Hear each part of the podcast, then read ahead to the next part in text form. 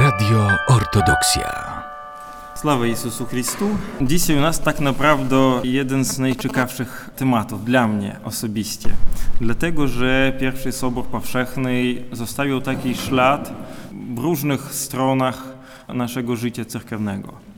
Rok temu gdzieś mówiliśmy o epokie prześladowań, kiedy chrześcijanie byli w imperium, w cesarstwie rzymskim prześladowani ze względu na swoje poglądy, tak powiem, antypaństwowe, można powiedzieć, w tych czasach. I ta sytuacja prześladowań, które były takimi falami, ja mówiłem, że nie było to cały czas, było to związane z takimi zmianami imperatorów, cesarzy rzymskich. Niektórzy z nich mocno chcieli doprowadzić porządek w imperium i to doprowadzało do nowych prześladowań.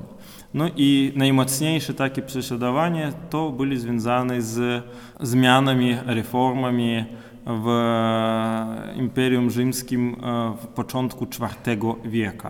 No i taki cesarz znany Diokletian, przy którym był zabity i święty męczennik Jerzy i męczennik Anatolij, którego też u nas ołtarze są w parafii. Inny znany nami święci. I ta ostatnia fala z jednej strony była najmocniejsza, ale z drugiej strony była wstępem do nowej epoki. Już tyle było dużo chrześcijan, że trzeba było albo jak cesarz Diokletian walczyć z chrześcijaństwem, albo jak jego, można powiedzieć, następca, podkobierca, cesarz Konstantyn, odwrotnie wszystko pozwolić. I takim wielkim wydarzeniem w życiu nie tylko chrześcijaństwa, ale można powiedzieć całego świata, był znany wami edykt Mediolański, który był podpisany w, we Włochach współczesnych, można powiedzieć, imperatorem, cesarzem rzymskim. Wtedy on był cesarzem zachodniej części Cesarstwa Rzymskiego Konstantynem, który przed samą śmiercią zostanie ochrzczony. Wydając ten dekret, ten edykt, imperator chciał najważniejsze pokazać, że w państwie rzymskim chrześcijaństwo jest też wyznawanym wyznaniem. Nie było tam żadnych przywilejów do chrześcijaństwa, tylko chrześcijaństwo wśród innych religii tradycyjnych było też miało takie same prawa. Oprócz tego, co było dodatkowo, to było uznane, że te prześladowania były niesprawiedliwe i w tym edykcie im było wrócone cerkwi wszystko, co było zabrane podczas prześladowań. No i wypuszczono z więzieni tych, którzy jeszcze tam znajdowali się ze względu na swoje poglądy religijne. Jednak bardzo szybko chrześcijaństwo zaczyna grać ważną rolę w życiu Imperium Rzymskiego. Czym to było związane? Ten, na ten moment chrześcijan nie było więcej niż 20-30% Imperium Rzymskim, ale Imperium Rzymskie uwielbiał porządek. Wszystko musi być uporządkowane, rozłożone, na wszystko musi być napisane prawo. I pierwszy rzas w rozłomach w środku chrześcijan cesarz Konstantyn spotkał się jeszcze na zachodzie Imperium Rzymskiego, uczestniczył jako przedstawiciel państwa porozumieniu w tym konflikcie, który tam był. I w te czasy, kiedy on uczestniczył w tych dziejach cerkwi, chociaż był jeszcze nieochrzczony, zapoznał się blisko z bardzo autorytetnym biskupem Choziuszem z miasta Corduba. Miasto Corduba znajduje się w współczesnej Hiszpanii i taki młody cesarz, który już miał doświadczenie rozwiązania takich trudnych cerkiewnych kwestii, doświadczenie współpracy z cerkwią, zostaje cesarzem całego rzymskiego państwa. połączył w siebie i zachodnią część, i wschodnią część. Jednocześnie w końcu dziesiątych lat IV wieku zaczyna się historia herezy Ariusza, która była takim jednym z przyczyn pierwszego Soboru Powszechnego. Ten Ariusz był prezbiterem, był kapłanem w mieście Aleksandria. To była wtedy, można powiedzieć, stolica najważniejszych części cesarstwa Egipta. Egipt dawał bardzo dużo chleba dla całego Imperium Rzymskiego, ale też to była taka stolica kulturalna, centrum takiej nauki. Znana była tam Biblioteka Aleksandryjska. To było jeszcze, można powiedzieć, za czasów Jezusa Chrystusa. Ona stała takim bardzo znanym centrum. I w głównym soborze służył biskup. Biskup nazywał się Aleksander. No i jedną z parafii zarządzał prezbiter, kapłan Ariusz. Ten Ariusz był też wykształconym człowiekiem, wyglądał jako asket. Więcej tego, on był bardzo popularny wśród biedniejszej części Aleksandrii. Był bardzo taki charyzmatyczny, można powiedzieć. I jeszcze on rozpowszechniał różne takie piosenki religijne, które śpiewali zwykli ludzie podczas pracy, gdzieś tam przy załadowaniu statków i tak. I był bardzo, bardzo znanym człowiekiem, bardzo popularnym. Oczywiście mówił w cerkwi kazania i ten prezbiter zaczyna uczyć o tym, że Jezus Chrystus jest stworzeniem. I tu ja muszę powiedzieć kilka takich słów. Bardzo często w podręcznikach, w internetach piszą, że Ariusz uczył, że Słowo Boże, Syn Boży jest stworzeniem. I z jednej strony on tak mówił naprawdę, ale z drugiej strony on nie mówił, że to jest zwykłe stworzenie jak człowiek czy jakiś anioł.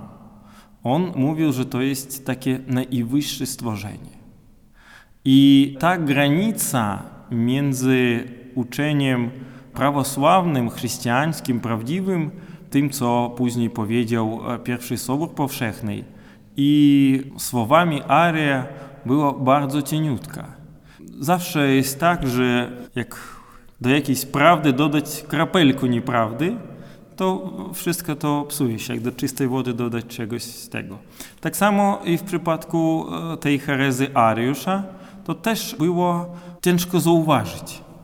Takie jak my przyzwyczajenie do nauki o Trójcy Świętej, ono nie było jeszcze wyrażone. Ono nie było jeszcze powiedziano tak zrozumiało, jak mamy teraz. I dlatego z jednej strony u świętych ojców do IV wieku spotyka się nauka o Trójcy Świętej, ale nie tak wyraźnie. I jeszcze do tego dosyć rozpowszechnione było uczenie e, takiego znanego teologa Origena, który nie jest świętym, ale napisał bardzo dużo różnych prac poświęconych cerkwi, tłumaczeniu Ewangelii, tłumaczeniu Biblii i jego nauki e, słuchało bardzo dużo. I on wyznawał, że syn jest jakby w stosunku do Boga Ojca podporządkowany, w pełnym posłuszeństwie Ojcu. I o też to miało wpływ na herezę Ariusza. Z początku biskup Aleksander po prostu powiedział: Nie musisz tego mówić, to nie pomogło. Powiedział raz, powiedział drugi raz, jak to bywa w życiu. No i skończyło się tym, że biskup Aleksander zebrał w Aleksandrii sobor biskupów, który osądził Ariusza naukę o Synie Bożym. Ale to by może było wszystko skończyło się, jeśli by nie to, że Ariusz był bardzo znany nie tylko Aleksandrii, ale i poza tym miastem, miał dużo przyjacieli wśród biskupów. No i dwa najważniejszych takich jego przyjaciela to biskup Eusebiusz z Nikomedii i takim samym imieniem Eusebiusz z Cesarii Palestyńskiej. To byli znani biskupi. Dlaczego? Dlatego, że jeden z nich był, e, można powiedzieć, terminem współczesnym mitropolitą całej Palestyny. W tych czasach miasta Jerozolima nie istniało. To była Ilia Kapitalina w tym momencie, nie było samej nazwy Jerozolima i jego biskupi nie zajmowali jakiejś ważnej roli. Głównym biskupem tej prowincji państwa rzymskiego był biskup Cesarii Palestyńskiej. Z drugiej strony drugi jego przyjaciel Eusebiusz z Nikomedii, Nikomedia, to było w tych czasach stolicą państwa. Stolicą państwa oczywiście był Rzym, ale w Nikomedii mieszkał Konstantyn. Tam znajdował się jego dwór i to powodowało, że oczywiście biskup tego miasta był bardzo znanym i miał wpływ też na, tak powiem, losy cerkwi i ludzi w cerkwi. I dlatego kapłan Ariusz jedzie do swoich kolegów, prosi ich pomocy, nawet tam służy i tak dalej, i ten konflikt idzie dalej. I coraz głośniej robi się ten konflikt. Słyszy o tym konfliktu cesarz Konstantyn, no i to powoduje, że w 1324 roku on wydaje dekret, edykt o powołaniu takiego soboru. Razem z cesarzem Konstantynem przyjeżdża na wschód z zachodu ten samý biskup Choziusz z Korduby i przy jego uczestnictwie cesarz powołuje sobor.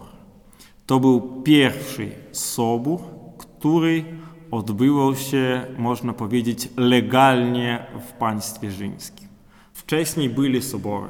Cały czas w życiu chrześcijańskim byli sobory biskupów, którzy zbierali się dosyć często, jak mówić o takich soborach lokalnych jakichś cerkwi 5, 10, 15 biskupów, którzy rozwiązywali te problemy, które dotyczyli tych diecezji, które znajdowali się obok siebie. Tych soborów było bardzo, bardzo dużo. I iż więcej było problemów, tym było więcej soborów. Ale zdaje dekret cesarz o tym, że wiosną 325 roku biskupi muszą zebrać się w mieście Niceja. Niceja znajduje się teraz blisko Stambulu, blisko Konstantynopolu, tylko na drugiej stronie Bosfora. Znajduje się już na terenie Azji Mniejszej, to współczesna Turcja. Niceja to było miasto, w którym mieszkał cesarz latem. W Nikomidei on mieszkał zimą, a latem było gorąco, głośno, blisko morza, a w Nicei było nie tak gorąco, ona bliżej było górę i tam miał swoje letni pałac i w tym pałacu musiał odbyć się sobor. Co ciekawe, każdy biskup dostawał zaproszenie od cesarza. To zaproszenie pozwalało z każdego miasta Imperium Rzymskiego za darmo dostać się do Nicei i razem z biskupem mogło jechać cztery osoby. To było w ogóle w tych czasach czegoś niesamowitego, po czasach prześladowań i w ogóle cała jakby strona organizacyjna tego Soporu Powszechnego w całości zależała od państwa. Państwo zapewniało jedzenie, nocowanie i nawet sama organizacja, gdzie kto musi usiąść, to wszystko zapewnił cesarz Konstantyn. Jakby po stronie biskupów była tylko decyzja w różnych sprawach. I zaczynają zbierać się biskupi. Była taka tradycja, że sobory bardzo często odbywali się w terminie około praźnika Trójcy. I nawet jedno z e, kanonów pierwszego Soboru Powszechnego głosi, że sobory w mitropoliach, na, jakim taki, na jednym takim małym terenu, muszą odbywać się dwa razy do roku. Chociaż nikt tego nie przestrzega tak naprawdę, oprócz może naszej cerkwi. No u nas w terminie Wielkiego Postu zwykle odbywa się Sobor Biskupów. Co jeszcze ciekawe, że na ten sobor zbierają się bardzo dużo wyznawców wiary. Zbierają się te, którzy jeszcze tam 12, 13, 15 lat przed tym byli uwięzieni, jakieś męki cierpieli, był jakiś tam święty bez oka, który naprawdę, taki można powiedzieć, w wierze chrześcijańskiej byli bardzo doświadczone. No oprócz znanych nami świętych Spiridona, Mikołaja, świętego Atanazego Wielkiego, który był wtedy jeszcze diakonem. Było dużo tak naprawdę świętych, którzy są w naszym kalendarzu.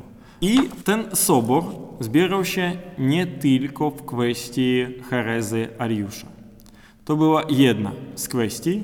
Byli inne kwestie tak samo ważne dla cerkwi, ale nie tylko dla cerkwi i dla państwa rzymskiego. Sobor zaczyna się oczywiście takim głównym pytaniem stała hereza prezbytera Ariusza. Część biskupów zajęła stronę Ariusza, część biskupów zajęła stronę biskupa Aleksandra z Aleksandrii, no a większość, jak to zwykle bywa, była tak gdzieś po środku i do końca nie wiedziała o co chodzi. Dyskusja była na tym soborze i wszyscy my słyszeli o tym, że tam święty Mikołaj kogoś uderzył, ale to tak nie było tak naprawdę. E, dlatego, że ta historia z uderzeniem pochodzi z bardzo prostej rzeczy. W jednych z nabożeństw, jednych z, ze służby, tam było napisane, że święty Mikołaj myślnie uderzył Arię. To, znaczy uderzył jego słowami. A z tej służby wpadło do żywota i wyszło tak, że święty Mikołaj był takim bokserem. To tak, wybaczcie, ale no, nie pasuje do świętego. Naprawdę to trafiło z pięknych słów gimnografa, który napisał, że słowami uderzył tego, później słowami gdzieś zginęło i zostało, że uderzył. To byłoby takim strasznym momentem, żeby biskup kogo uderzył. To było no, nie do pomyślenia. Chociaż i dzisiaj ja bym myślał to też, też tak samo. Była dyskusja, ale każda dyskusja potrzebuje spokoju i czasu. Święty Ojcowie dobrze że czuli, że w słowach Ariusza jest hereza, ale jak wytłumaczyć odwrotną teorię? Trudne z jednej strony, a z drugiej strony Ariusz i jego stronnicy, przyjaciele, byli pewni siebie.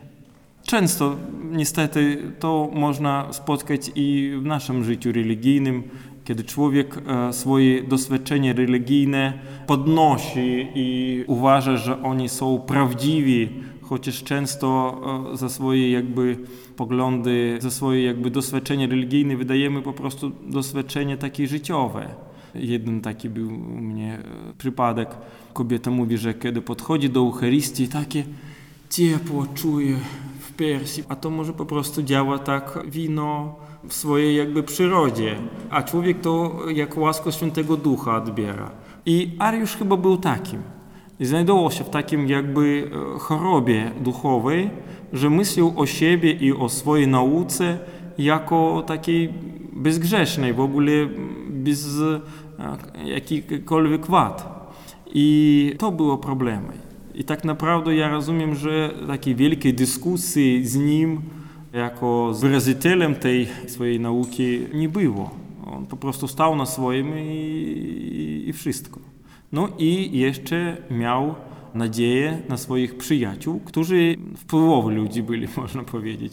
Mieli wpływ na sytuację i chciał jakoś zmienić. Ale tu zagrał wielką rolę ten samý biskup Choziusz z Korduby, chyba on stał takim człowiekiem, który podrzucił te słowo, z którego później była bardzo wielka walka.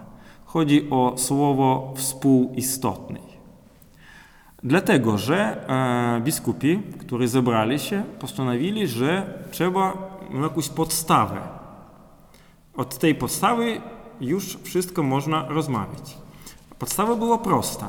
Z samego początku chrześcijaństwa w każdej cerkwi, w Egipcie swoja, w Antiochii swoja, w Nikomedii to swoja, w Rzymu swoja, w Kartagenu swoja, były symbole wiary.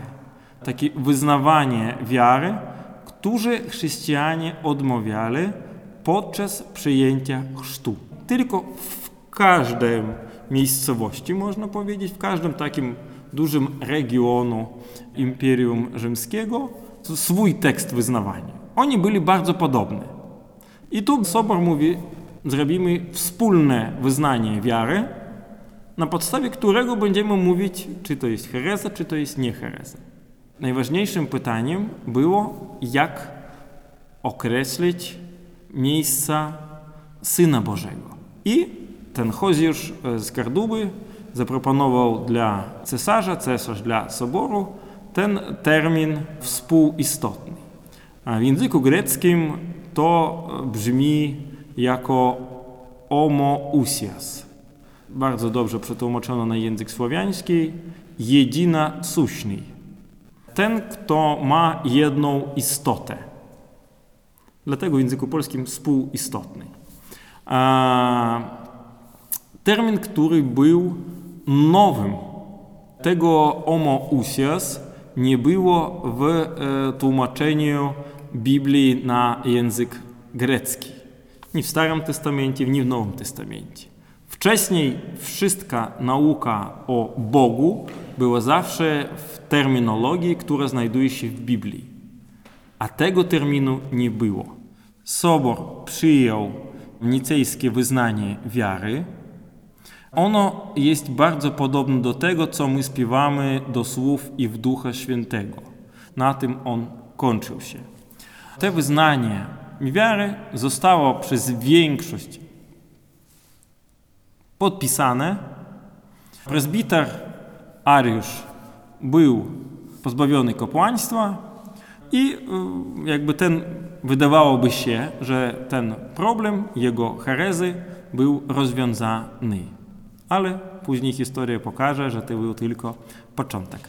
Jemu nie podobało się tylko to jedno słowo współistotny, które brzmi dotychczasów na każdej liturgii jedyna suśny. Отцу, им же вся выше. Ну и тем самым собор отжутил харезии Арюша и затвердил догмат о боскости Иисуса Христуса. Сын Божий есть правдивым Богом, зродзоным Бога Ойца пред всеми веками, и так само вечным, яко Бог Ойтец, Он есть зрадзоний, а не створжений, вспуістотний, єдиносущний, з Богом Ойцем. То tylko jedna kwestia, która była poruszona na pierwszym Soborze Powszechnym. Druga to jest termin praźnika Paschy. Do początku IV wieku w różnych częściach cerkwi Pascha była świętowana w różnym terminie. Dlaczego cesarstwu to było potrzebne? Dlatego, że religii pogańskie mieli stałe na jakieś wielkie święta swoje dni wolne od pracy. W różnych częściach Imperium Rzymskiego w różnym terminie obchodzono, jak to można, trzeba jeden dekret, żeby podpisał cesarz, a nie w każdej miejscowości swojej. Żeby było wszystko porządek miało. No i było postanowione, aby świętować Paschę w jednolity dla całego Cesarstwa Rzymskiego termin, pierwszą niedzielę po pełni księżyca która następuje po równo nocy wisiennej. Było położone na już stały dla państwa rzymskiego kalendarz juliański. Ten kalendarz, którego korzystamy teraz. No i przez 1200 lat po soborze chrześcijanie jedno mieli jednolitą, teraz jak wiecie katolicy obchodzą w innym terminie. To już takich dwie ważne kwestie. I jeszcze na pierwszym soborze powszechnym powstało około 20 kanonów, które dotyczą różnych momentów życia. To dotyczyło soborów, które zbierali się też regularnie dwa razy do roku, no i różnych kwestii, które dotyczyli życia tej małej wspólnoty diecezji, które mogli znajdować się na takim dosyć małym terenie. Dlatego, że w każdym mieście, gdzie było, można powiedzieć, kilka parafii, mógł być biskup. Faktycznie można powiedzieć, proboszcz każdej miejscowej parafii faktycznie mógł być biskupem. Żeby postawić biskupa, musiało być 12 osób wiernych. I wracając do pierwszego soboru powszechnego, nie wszyscy biskupi uczestniczyli w tym soborze. Jakby oni wszyscy zjechali się, to byłoby naprawdę e, tysięcy osób. Wiemy, że ich było od 200 do 300 osób. To jest był długi sobor, to nie e, sobor był jak teraz jeden dzień i wszyscy tego. Wtedy to była cała historia tej powszechnej sobory. Mogli siedzieć miesiąc, dwa, trzy miesiące. Nie, także to jest taka dosyć sprawa skomplikowana. Jedno z takich kanonów, z, z reguł pierwszego Soboru Powszechnego przyznaje szczególne prawa za biskupami Rzymu, Aleksandrii, Antiochii. Powstaje później i Konstantynopol, to już na drugim Soborze Powszechnym, jako też taki patriarchata. No a później powstają i inni cerkwi, to już druga historia. No jeszcze jedno reguła, która dotyczy naszego codziennego życia. Ostatnia reguła mówi o tym, że nie można kłaść pokłonów ziemnych w niedzielę i w terminie Pięćdziesiątnicy. No i to też zostało w naszym życiu dotychczas, w naszych nabożeństwach i najważniejszej historii pierwszej i drugim Soboru Powszechnym, jak toczyła się walka. Wyznanie wiary, które było przyjęte na pierwszym powszechnym soborze i które było dopełnione na drugim soborze powszechnym, ono dotychczasów zostaje głównym wyznaniem wiary większości chrześcijańskich denominacji. Nicejski symbol wiary, nicejski tylko, te pierwsze siedem artykułów jest podstawą powstania w 1948 roku Światowej Rady Kościołów. Jeszcze jeden taki wpływ, który okazał pierwszy Sobór Powszechny. Przyjął te słowo z, można powiedzieć, filozofii greckiej, te słowo współistotnej, spowodowało to, że powstało takie połączenie z jednej strony teologii biblijnej, teologii świętych ojców, a z drugiej strony filozofii starożytnej Grecji, filozofii i doświadczenia, można powiedzieć, pogańskiego. I została w jakimś sensu połączona. Teologia jakby wykorzystała te doświadczenia naukowe, można powiedzieć, dla tego, żeby wyrazić naukę o Trójcy Świętej. I to spowodowało, jednym stało takich, można powiedzieć, fundamentów całej kultury europejskiej, całej filozofii europejskiej. Na tej podstawie zaczęli pracować filozofy, teolodzy, bardzo znani, którzy na tym budowali swoje wiedzę. Jeszcze jeden moment, który też trzeba podkreślić. Uczestnictwo państwa rzymskiego w tym soborze. Państwo starało się jakby nie mieć wpływu na decyzje, ale ze strony takiej organizacji zrobiło wszystko. I ostatni moment. Pamięć świętych ojców pierwszego Soboru Powszechnego została nie tylko w wyznawaniu wiary, nie tylko w takich momentach, o których ja powiedziałem wcześniej, ale została ona z nami i liturgicznie. Mamy pamięć świętych ojców pierwszego Soboru Powszechnego w niedzielę po praźniku Wzniesienia Gospodnia, przed praźnikiem zesłania Świętego Ducha na apostołów. W tym okresie, akurat wiosną, święty ojcowie zebrali się w Nicei, także on e, jest dopasowany, można w jakimś sensie powiedzieć, historycznie. Oprócz tego jest jeszcze dwa razy w roku, kiedy wspomina się wszystkie ojcowie pierwszego Soboru Powszechnego. To pamięć sześciu Soborów Powszechnych i jeszcze latem jest oddzielnie pamięć siedmiu Soborów Powszechnych. Także trzy razy do roku wspominamy oprócz pamięci takich osobistych tych świętych, które uczestniczyli w tym Soborze Powszechnym, e, liturgicznie, modlitewnie e, też wspominamy trzy razy w roku. Ta historia bardzo ciekawa, dlatego że naprawdę często miała wpływ na nie tylko życie tam Imperium Rzymskiego i cerkwi w Imperium Rzymskiego, ale miała i wpływ na nasze współczesne życie. Już wtedy niektóre nieproste pytania i relacje wschodu i zachodu, na przykład papieża rzymskiego, biskupa rzymskiego w tych czasach jeszcze i biskupów wschodnich, już wtedy byli poruszane. Uczestnictwo państwa w różnych momentach życia cerkiewnego, inne momenty, które też jest w naszym e, życiu. To wszystko odzwierciedla się w historii pierwszego Soboru Powszechnego, o którym dzisiaj rozmawialiśmy. Bardzo dziękuję za nasze spotkanie i Waszą cierpliwość. Radio Ortodoksja.